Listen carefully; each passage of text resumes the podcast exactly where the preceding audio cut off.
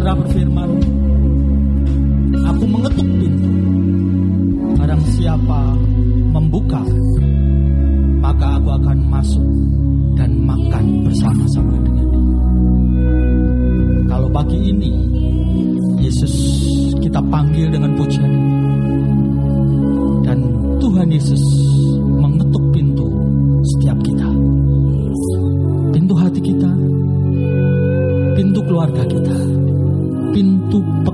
kita, bisnis kita, pintu apa pun dalam hidup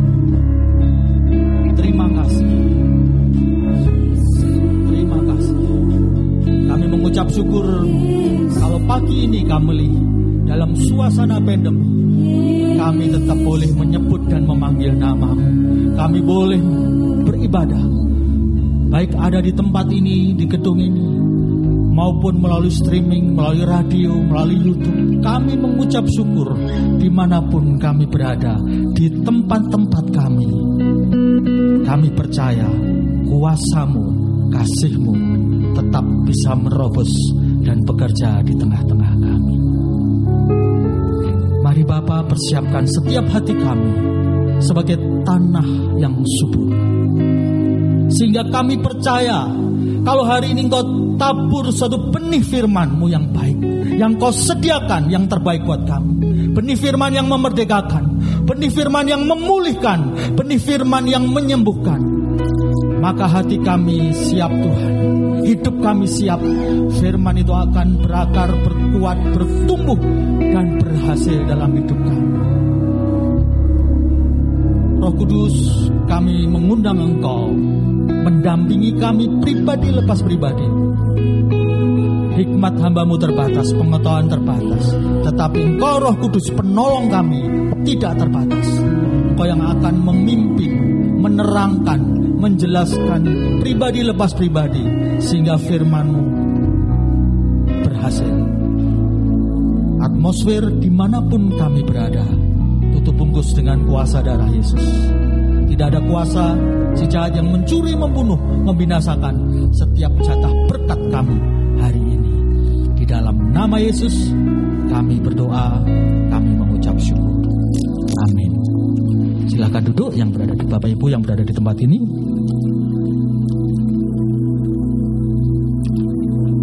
Shalom Bapak Ibu semua, baik yang ada di tempat ini, di gedung Gereja Kristen Kemadau, Yogyakarta, kami juga sampaikan shalom kepada Bapak Ibu di mana pun Bapak Ibu mengikuti ibadah ini. Baik itu melalui YouTube streaming, maupun Facebook streaming, maupun radio streaming. Baik di kota Jogja, di luar Jogja, di setiap pulau di Indonesia, bahkan di luar negeri. Kami percaya hari ini kita disatukan kasih Tuhan. Kita, kami percaya kita disatukan suatu rencana Tuhan yang baik dalam hidup kita.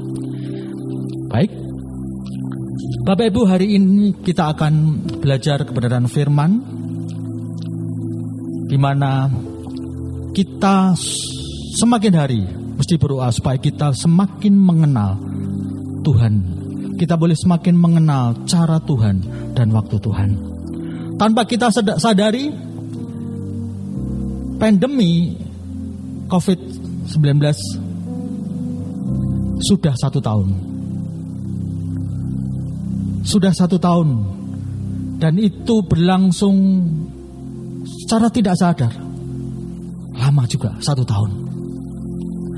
Kita bersyukur kalau di tengah-tengah kita kita dijagai Tuhan. Sehingga tidak ada satupun dari kita maupun keluarga kita yang tidak kena sakit.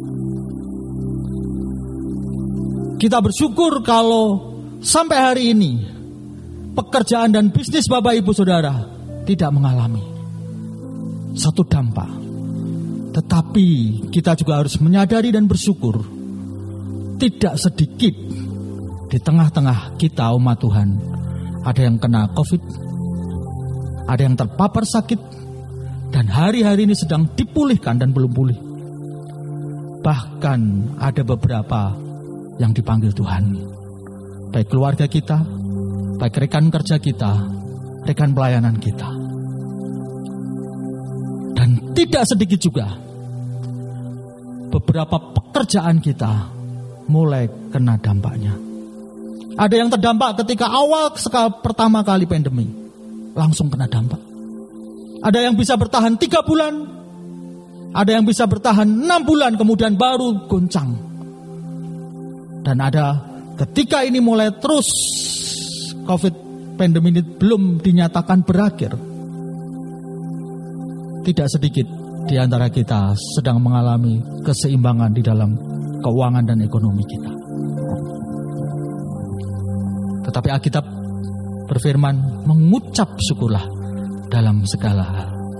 Karena itu yang digehendaki Bapa di dalam Kristus Yesus. Hari ini saya menginskarit Bapak Ibu di mana pun berada Jangan lupakan kebaikan Tuhan. Tetap mengucap syukur dengan apa yang hari-hari ini sedang kita alami. Yang dijagai mengucap syukur. Tidak perlu sombong. Yang hari-hari ini masih sehat kuat, mengucap syukurlah.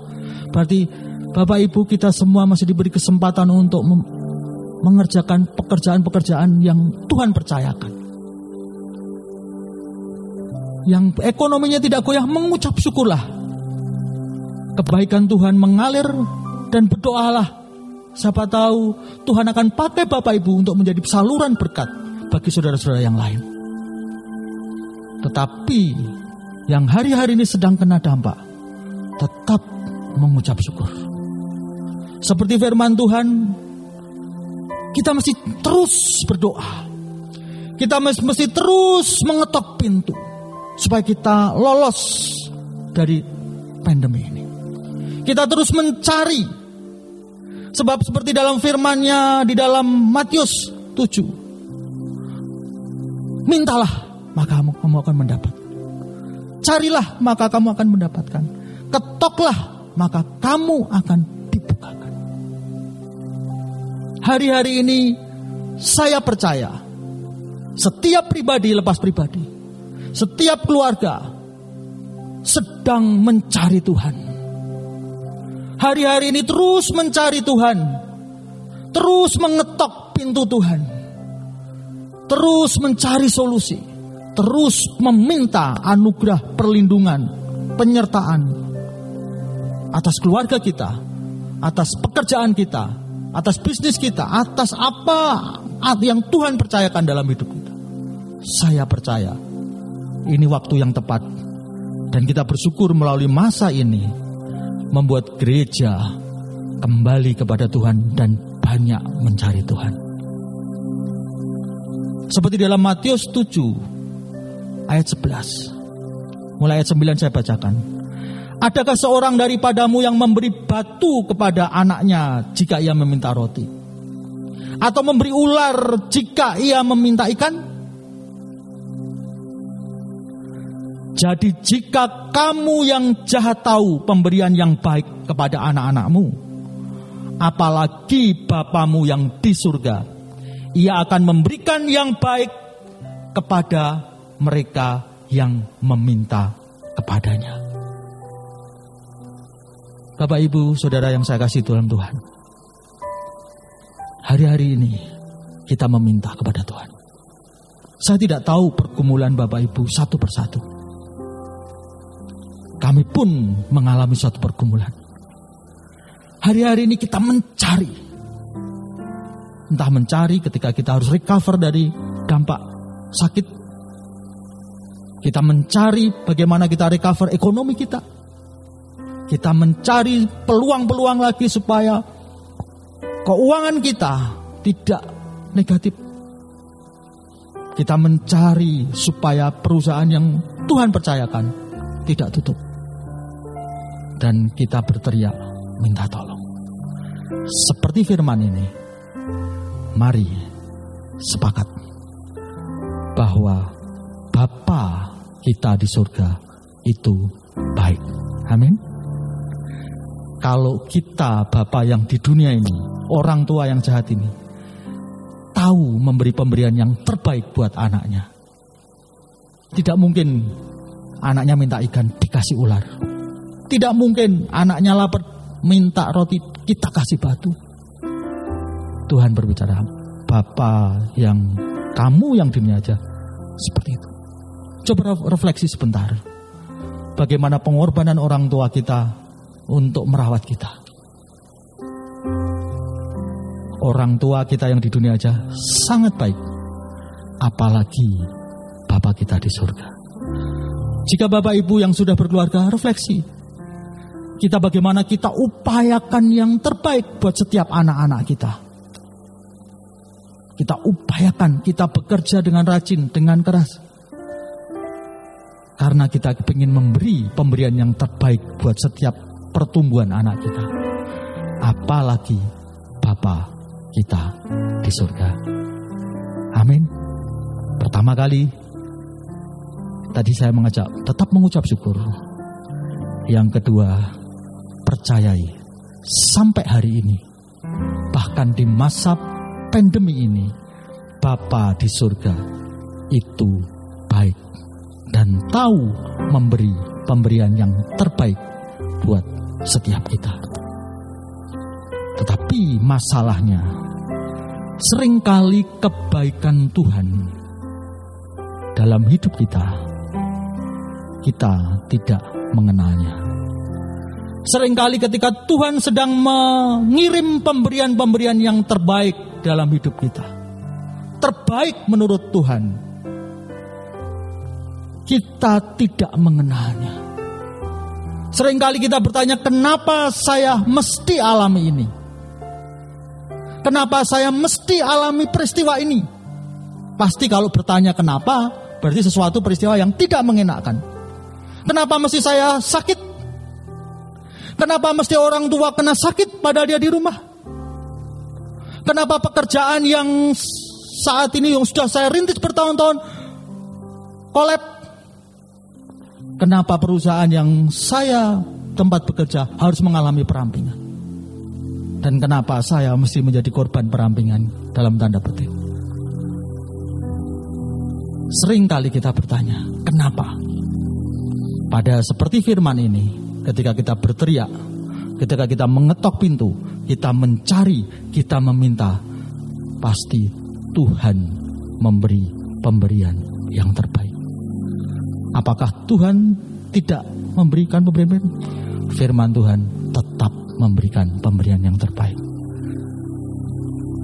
Yang kita belajar hari ini, ketika pertanyaan mengapa itu, kita belum mengenal cara dan waktu Tuhan menolong kita.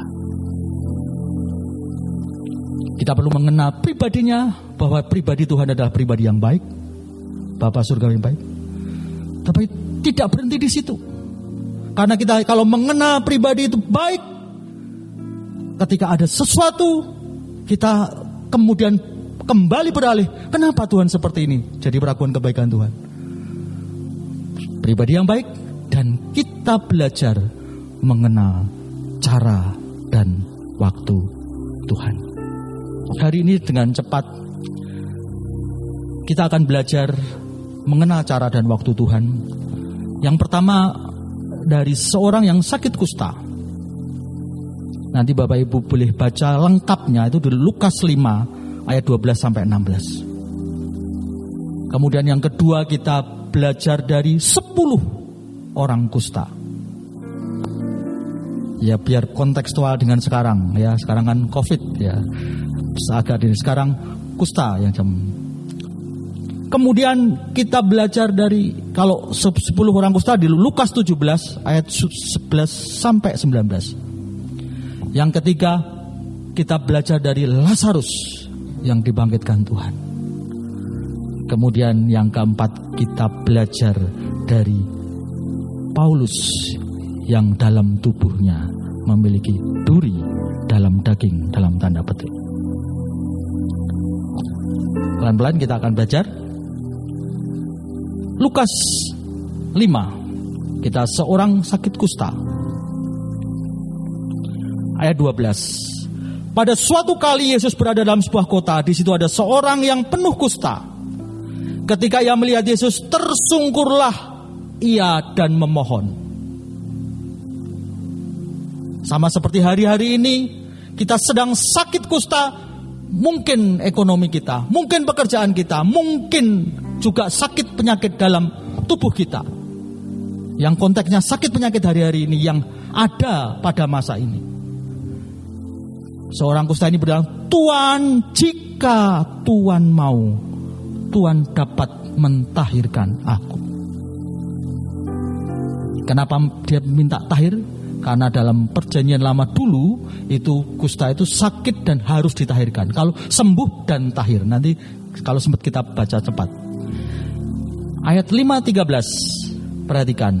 Lalu Yesus mengulurkan tangannya, menjamah orang itu dan berkata, "Aku mau, jadilah engkau tahir." Seketika itu juga lenyaplah penyakit kustanya. Kemudian singkat kata, Yesus jangan ngomong-ngomong, langsung kamu pergi imam supaya dideklar pentahiran. Kalau kita baca kasus ini, satu orang kutanya, seorang ustaz dia berseru kepada Tuhan, mengetok pintu, mencari, meminta. Dan dia tahu bahwa Tuhan Yesus yang dia seru itu Tuhan yang baik. Yesus berkata, mau. Kemudian yang dilakukan cara Tuhan melakukan apa? Dia menjamah orang itu. Menjamah. Cara yang kita pelajari yang hari ini, yang kasus ini. Yesus mau menjamah orang kusta. Dan waktunya seketika bukan dijamah kemudian seminggu lagi baru sembuh. Dijamah baru kapan-kapan sembuh enggak. Tetapi dalam kasus orang kusta ini Tuhan Yesus menjamah dan seketika sembuh. Apa yang kita pelajari? Izinkan Tuhan melalui caranya yang ajaib menjambah hidup Bapak Ibu Saudara. Dan izinkan ketika itu waktu Tuhan harus seketika sembuh. Biarkan itu terjadi buat berkat kita. Amin. Karena ada peristiwa ketika Yesus menjamah seketika sembuh. Waktunya seketika. Suatu saat ada kerumunan orang mendengar Yesus, mengikuti pelajarannya, mengikuti khotbah-khotbahnya, dan sampai sore sudah lapar, tidak ada makanan di sana. Waktunya kebutuhan makan buat 5.000 orang lebih Apa yang dikerjakan Yesus? Dia mengucap syukur dengan apa yang ada. Kemudian dia mulai memecah-mecah roti. Dan waktunya apa? Seketika juga roti itu terus berlipat. Amin. Pada 5000 orang penuh dikenyangkan. Mujizatnya apa? Seketika. Jadi Tuhan bisa bekerja memulihkan setiap kita apa pun yang kita alami seketika. Amin. Seketika katakan dalam hidupmu, dalam imanmu, Tuhan Yesus yang baik sanggup memulihkan aku seketika. Kusta jamah seketika sembuh. Dan kalau kita belajar di Alkitab banyak yang seketika. Kemudian peristiwa yang lain ketika orang pesta di Kana, anggurnya habis. Apakah Tuhan mau nolong? Apakah Tuhan mau menyediakan? Mau ketika Maria minta ketika air dicedok seketika menjadi anggur. Tidak ketika air dicedok diudek-udek ditunggu tujuh hari ditunggu tujuh hari tidak. Karena pada saat itu pesta belum akhir.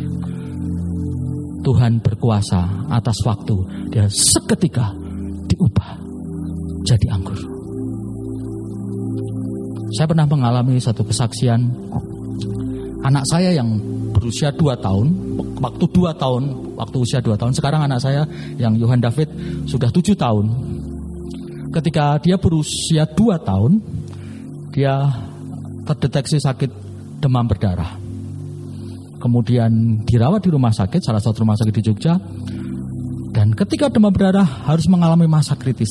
Dia sempat hampir semuanya kena, ada darahnya bercak-bercak. Uh, kami berdoa, kami berdoa, kami berdoa, kami percaya Tuhan sanggup sembuhkan. Dan di saat-saat demam berdarahnya mau puncak kritis, komplikasi dengan diare. Jadi kena demam berdarah, diare. Uh, istri saya terus tinggal di sana, saya bolak-balik karena ada anak saya yang satu dua di rumah, saya bekerja. Dan kami mempercayai Tuhan pasti sanggup sembuhkan. Tapi sampai ketika 10 hari sebetulnya kami lelah. Istri saya juga di sana tidak pernah pulang. Alah. Dia bertanya, boleh nggak kita ajukan pulang? Akhirnya dokter singkat kata, kalau seluruh parameter medis bisa, artinya HB apa tekanan dari itu medis saya bukan dokter jadi ada beberapa parameter boleh pulang. Ketika hari ke-10 bisa pulang. Pada saat pulang satu hari sebelumnya, setelah itu, sore-sore dia mengalami diare yang sangat akut kembali. Kemudian badannya pucat, diminumin apa pun tumpah.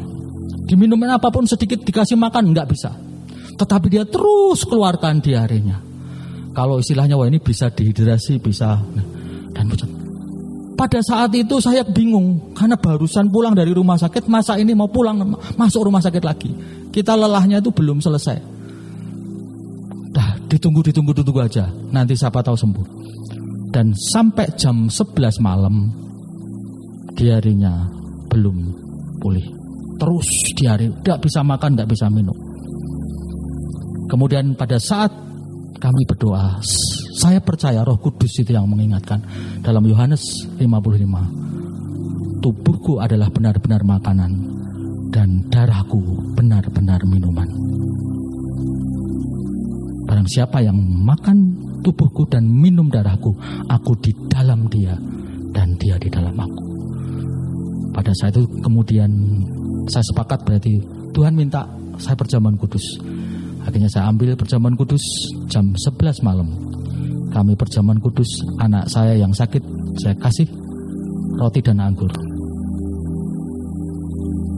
Dan saya saksikan seketika sembuh.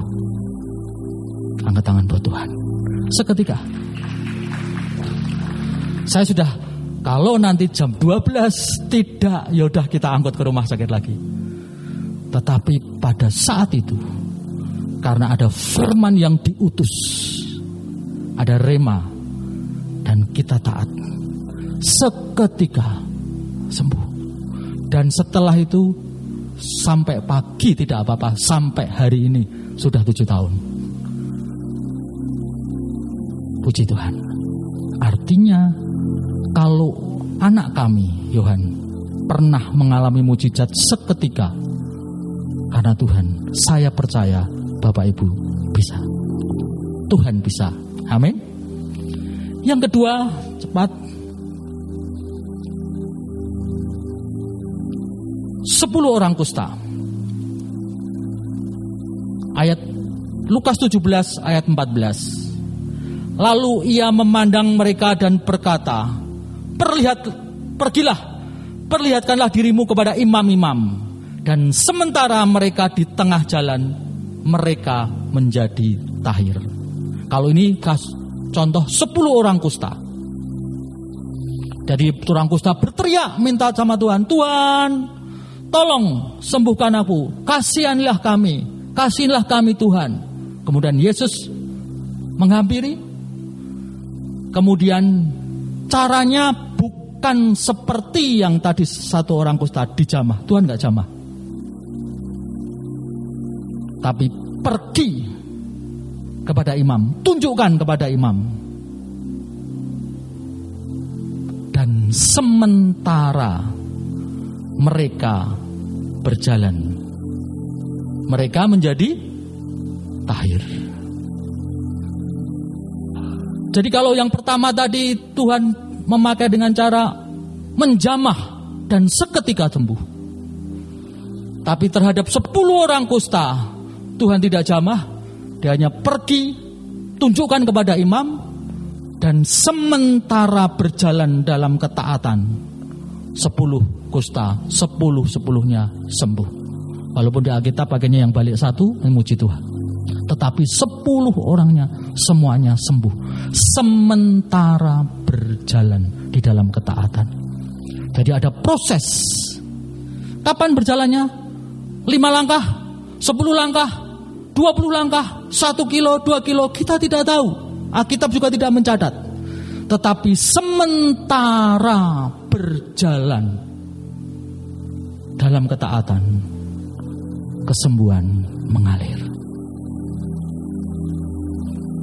Jadi kalau hari-hari ini ketika kita berseru kepada Tuhan, ketika kita memohon kepada Tuhan, Tuhan berikan pimpinan baik itu melalui mimpi, melalui rema, melalui firman yang diingatkan, melalui hikmat, melalui nasihat orang-orang yang Tuhan percayakan. Dan Bapak Ibu mempercayai itu pimpinan Tuhan. Sementara berjalan bisa pulih. Sementara Bapak Ibu lakukan seperti pimpinan Tuhan, bisnis kita bisa pulih. Sementara kita berjalan seperti pimpinan Tuhan.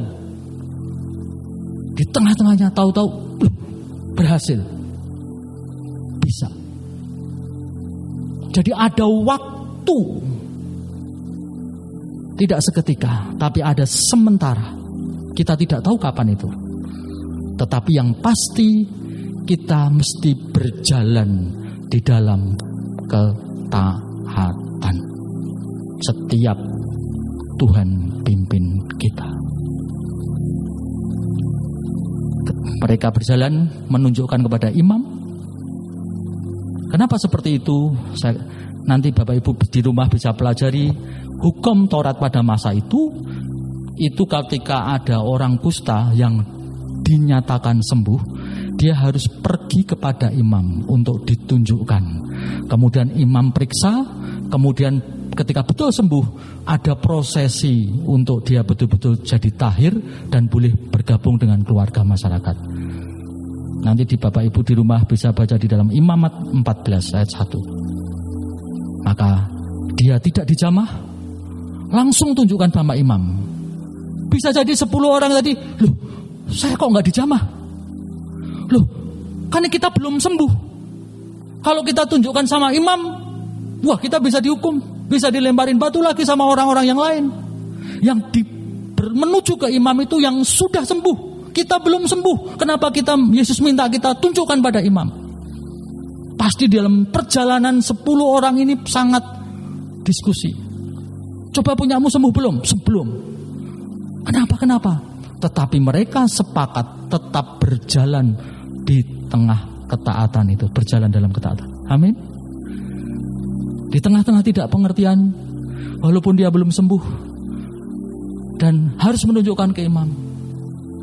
Dia berjalan dalam ketaatan dan sementara berjalan Tuhan bisa sembuhkan. Amin. Percayai yang hari-hari ini Bapak Ibu sedang kerjakan. Walaupun mungkin sederhana. Percaya itu mampu menyembuhkan setiap hidup kita. Kalau hari-hari ini harus dirawat, harus isoman, harus diet, harus apa-apa. Percaya kalau itu pimpinan Tuhan, percayai sementara Bapak Ibu mengerjakan berjalan dalam ketaatan. Jangan sampai kita seperti Naaman. Dalam perjanjian lama, dalam dua raja-raja, Naaman kena kusta juga.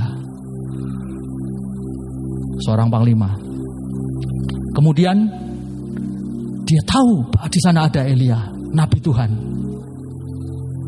Kemudian dia memanggil, apa dia datang kepada Elia. Ternyata Elia tidak menemui. Bahkan hanya mengutus bujangnya Gehazi. Kemudian Elia berkata, mandi tujuh kali di sungai Yordan. Tidak dijamah, tidak didoakan, tidak diapa-apakan, tapi hanya mandi di sungai Yordan. Alkitab tulis, Naaman gusar. Aku sangka bahwa setidak-setidaknya ini dalam dua Raja-Raja 5 ayat 11. Ia datang keluar dan berdiri memanggil nama Tuhan Allahnya. Menggerak-gerakkan tangannya. Tempat penyakit dan demikian menyembuhkan penyakitku. Penyakitku. Bukankah Abana dan Parpar sungai di Damsik lebih jernih? Lebih baik dari sungai Israel. Kenapa aku harus mandi di sungai Yordan? Itu sikap hati Naaman. Bersyukur punya penasihat yang bagus.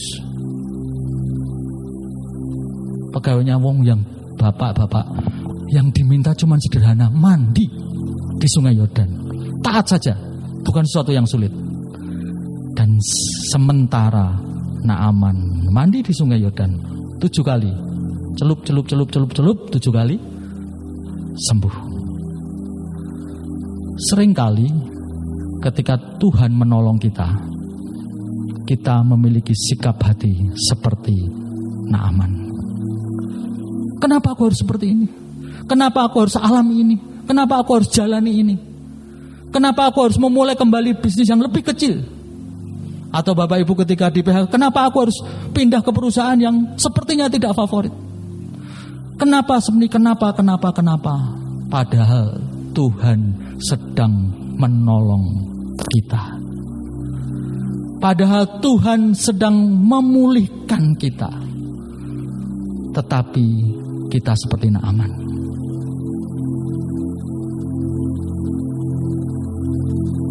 Ketika seorang janda yang ditagih utang di masa Nabi-Nabi Elisa,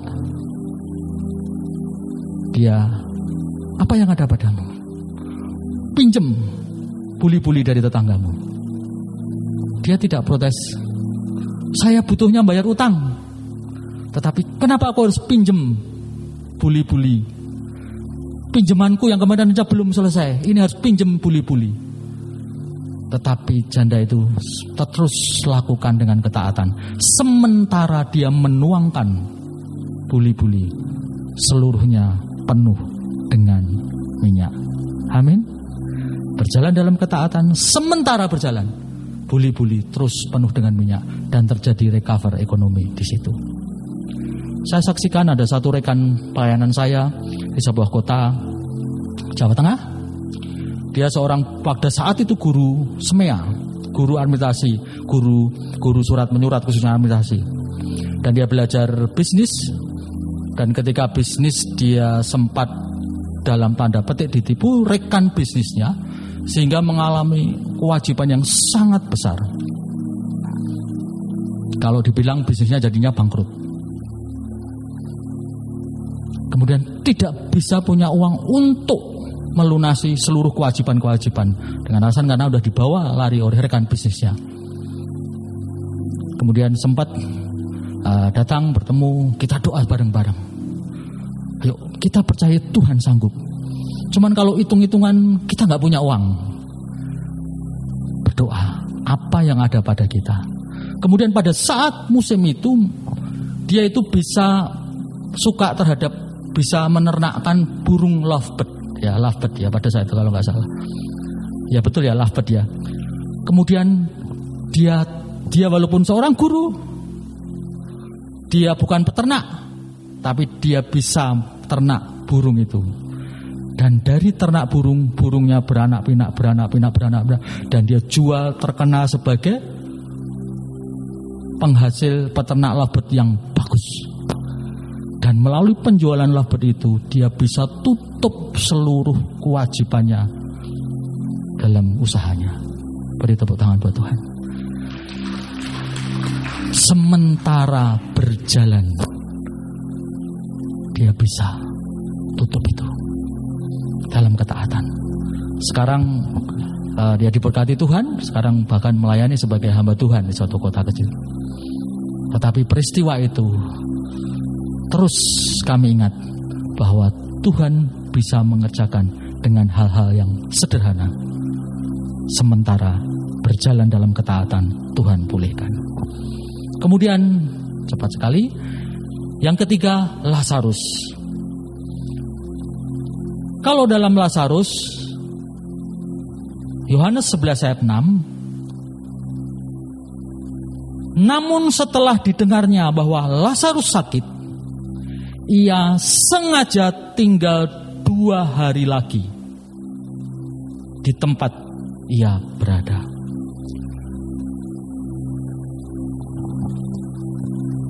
Ketika Lazarus sakit Marta mengirim kabar, Maria mengirim kabar, meminta kepada Yesus. Tetapi Yesus malah sengaja tinggal dua hari lagi. Karena Lazarus di Betani, Yesus malah pergi ke Yudea. Akhirnya sampai empat hari baru ketemu. Dan kita sudah tahu ceritanya. Pada saat itu Lazarus sudah mati dan dikuburkan empat hari.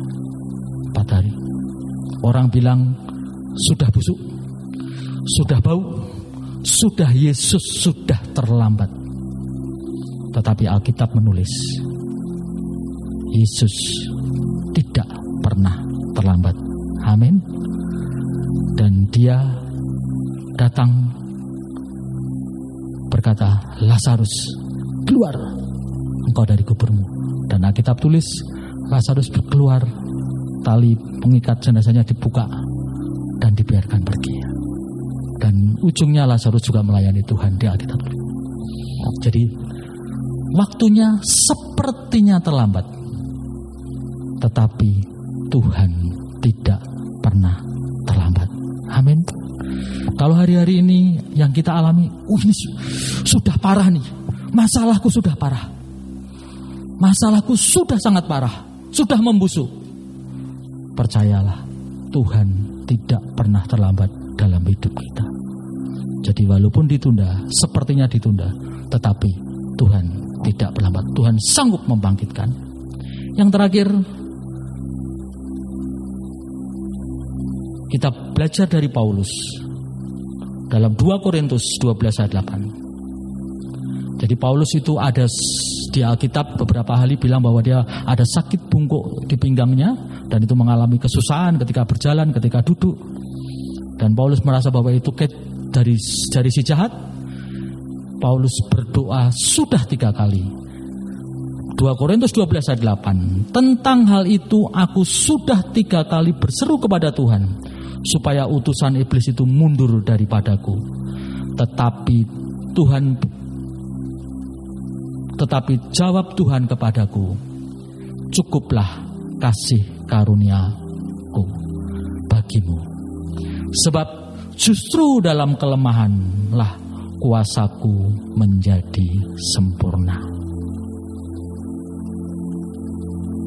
Paulus berdoa tiga kali. Paulus juga mempercayai Bapa di surga itu baik. Tetapi sampai berapa waktu tidak dijawab. Beberapa waktu belum ada kesembuhan. Dan sampai menemukan jawaban. Jawabannya kasih karuniaku cukup bagimu. Jadi kalau hari-hari ini, kalau sampai saat ini ada di antara Bapak Ibu yang masih mengalami pergumulan, jangan berkata, "Oh, Tuhan tidak menjawab." Bisa jadi kasih karunia Tuhan supaya semakin kuat bekerja hidup kita. Amin. Saya ulang sing, singkat cepat. Yang pertama, percayai bahwa itu Tuhan itu baik. Ketika kita berseru, ketika kita mencari, Tuhan sanggup. Kita kenali waktu dan cara Tuhan. Tuhan bisa bekerja dengan cara menjamah dan seketika sembuh. Tuhan bisa bekerja melalui rema seperti yang saya alami. Cuman jangan dipakai untuk metode. Bapak Ibu mesti harus cari rema sendiri. Dan seketika bisa juga sembuh. Tapi Tuhan juga bisa dengan waktu sementara kita berjalan di dalam ketaatan. Jadi ada periode waktu. Dan dengan cara yang aneh menurut kita. Tetapi Tuhan sanggup juga memulihkan, menyembuhkan.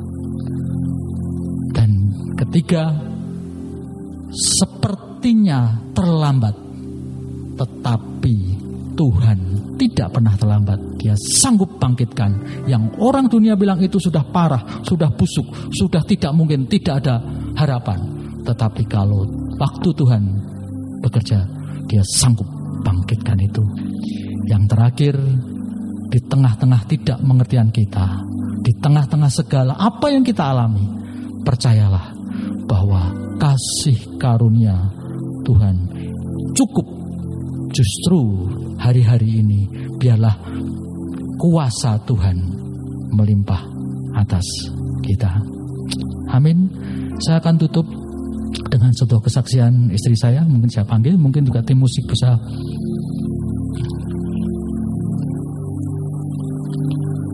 Setahun yang lalu ketika awal pandemi kami juga mengalami suatu peristiwa yang pada saat itu saya kaget. Tetapi seperti yang saya sampaikan, Tuhan itu baik dan waktu Tuhan itu yang membutuhkan bahwa kuasanya nyata dalam hidup kita. Amin. Shalom Bapak Ibu Saudara-saudari, setahun yang lalu uh, saya difonis oleh dokter bahwa ada tumor di paru kiri-kiri saya. Nah, waktu itu saya biasa karena saya pikir itu tidak ganas. Kemudian Juli uh, saya CT scan ulang dan vonis dokter uh, hasilnya mulai dibacakan Agustus bahwa saya mengalami kanker yang ganas yaitu stadium 3B. Jadi saya masih ingat itu menjelang hari ulang tahun saya.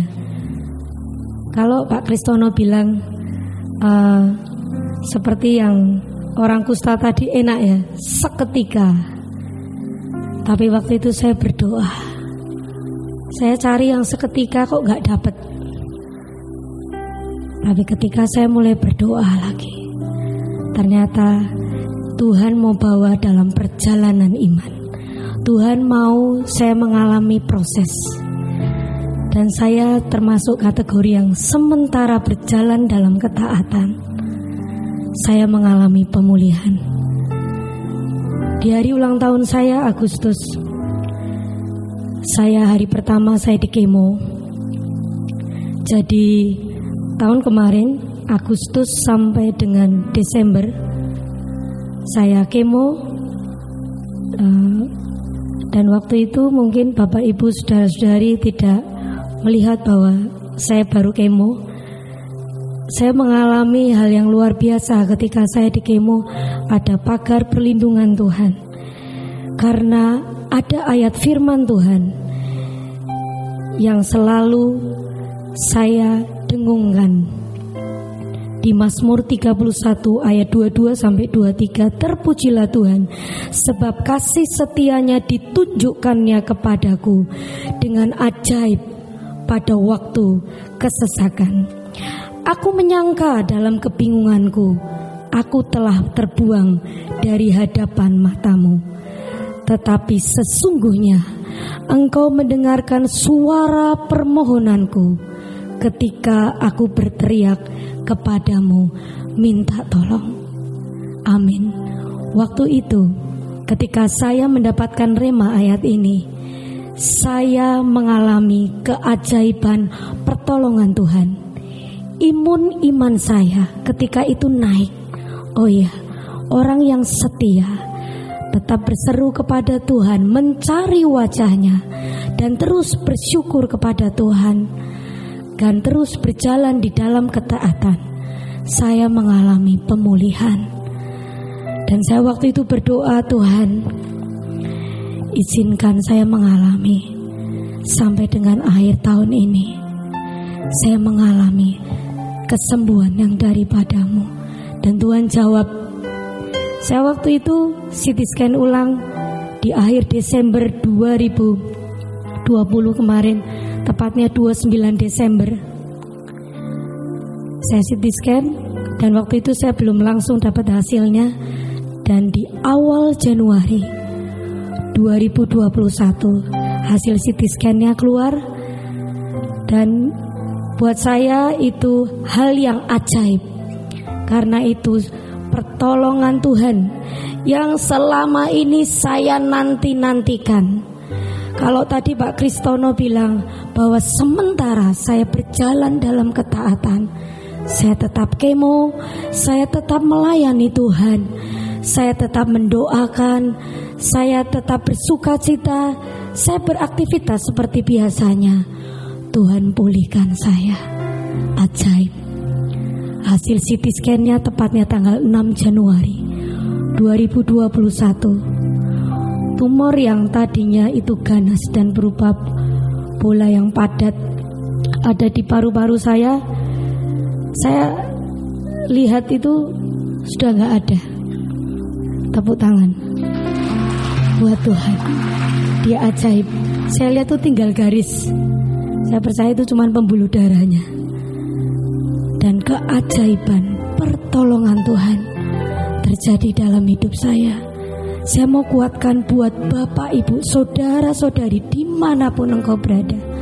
Jika engkau mengalami vonis, dokter, ataupun vonis di dalam ekonomimu, saya mau katakan jangan takut, jangan khawatir, karena firmannya itu berkata, dia akan mendengar setiap permohonan. Dia akan mendengar setiap seruan kita pada saat kita minta tolong. Dia Allah yang ajaib. Amin.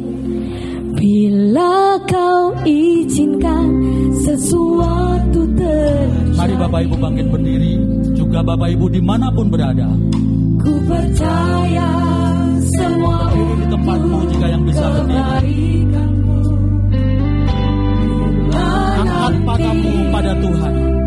dibawa Apa pun yang kita alami Ku percaya Dalam dengan cara Tuhan yang ajaib Dalam waktu Tuhan yang ajaib Yang terbaik itu akan kau izinkan sesuatu Ada yang sakit penyakit Ada yang pergumulan ekonomi Pergumulan anak Pergumulan apa pun.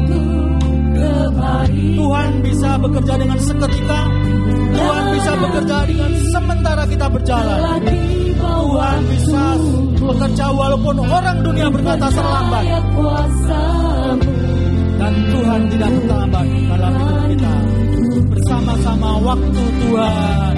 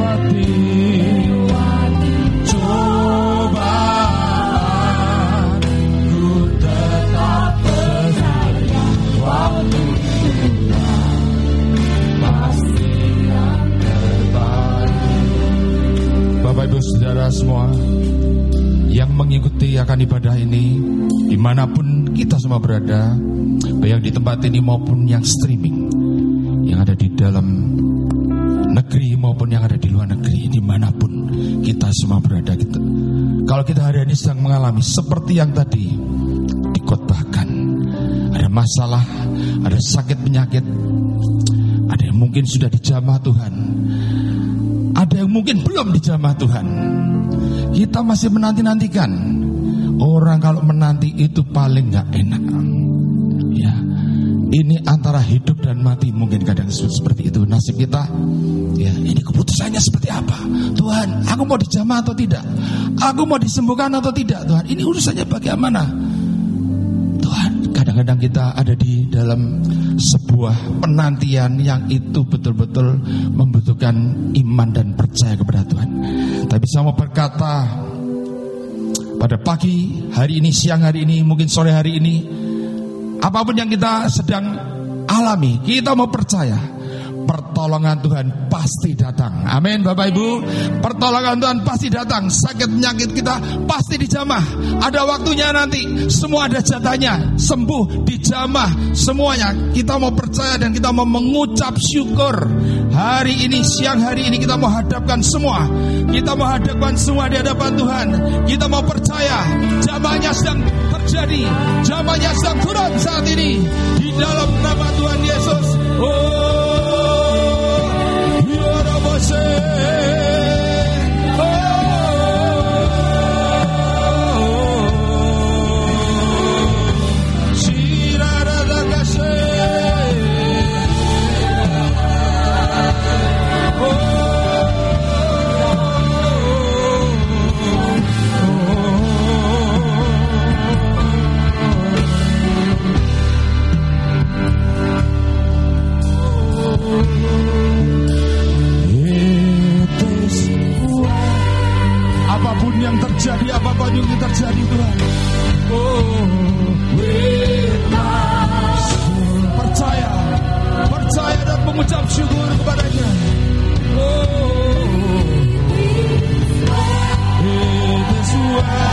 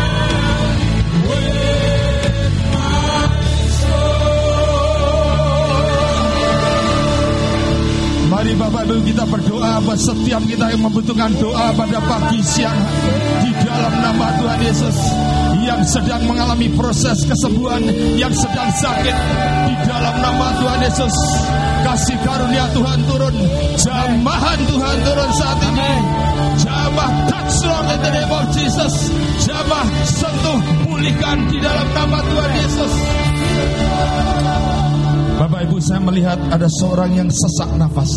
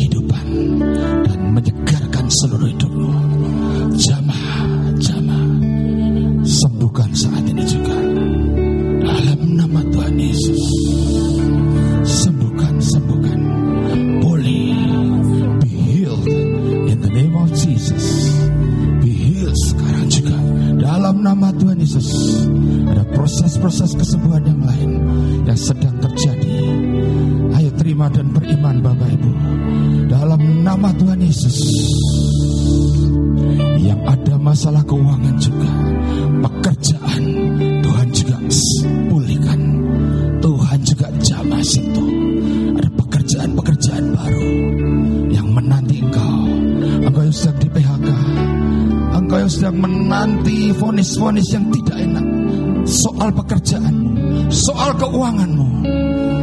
Kalau ini juga nafas terakhir di keuanganmu, Tuhan berkata, Tuhan akan berikan yang baru, yang ajaib, blessing yang ajaib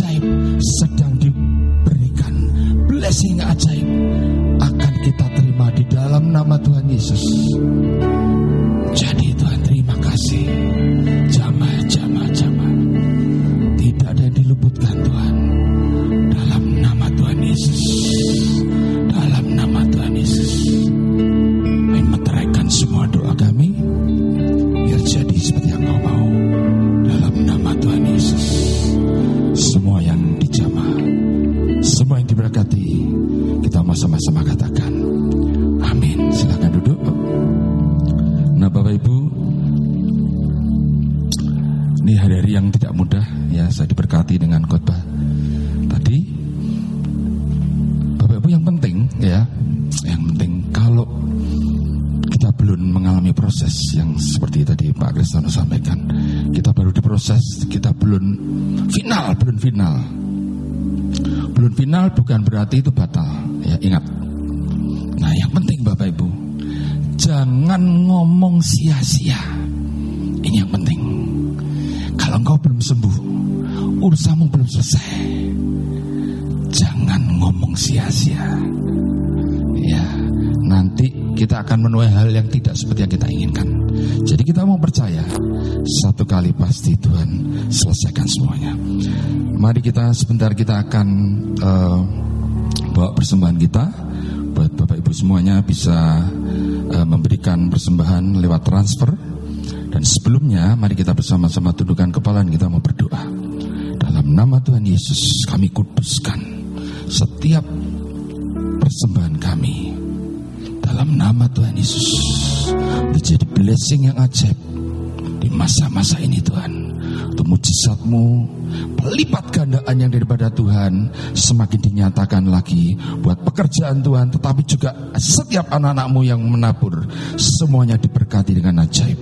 Menjadi blessing yang luar biasa Dalam hidup setiap kami Di dalam nama Tuhan Yesus Semua kita yang percaya kita sama-sama katakan Amin.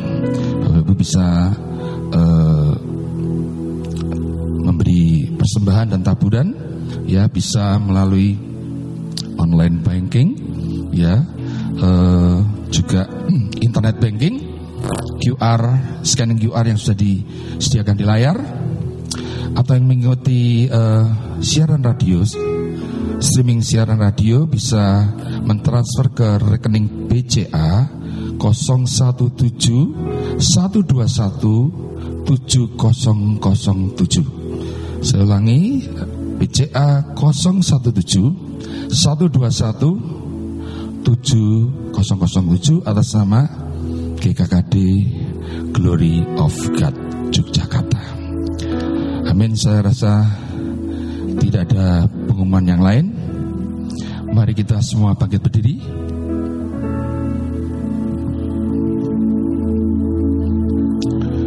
Mari angkat kedua tangan kita. Kami mengucap syukur Tuhan buat kesempatan pagi ini setiap firman-Mu Tuhan. Jangan ada di antara kami, anak-anak-Mu Tuhan, yang berputus asa ketika menunggu Tuhan prosesnya Tuhan yang belum terjadi. Kami percaya Tuhan, Engkau sanggup juga percepat waktunya, Engkau sanggup membuat iman kami tetap berdiri dan tetap percaya dan mengucap syukur. Sampai Tuhan sesuatu yang ajaib boleh terjadi di tengah-tengah kami. Terima kasih Tuhan. Sebentar. Kami akan pulang. Yang berada di tempat ini meninggalkan tempat ini. Biar Tuhan shalom yang daripada Tuhan. Iman yang terus percaya kepada Yesus Tuhan dan Raja kami. Sanggup melakukan segala perkara menjadi blessing menjadi jaminan buat kami semuanya. Di dalam nama Tuhan Yesus kami sudah berdoa dan kami mengucap syukur. Amin. Selamat pagi. Tuhan Yesus memberkati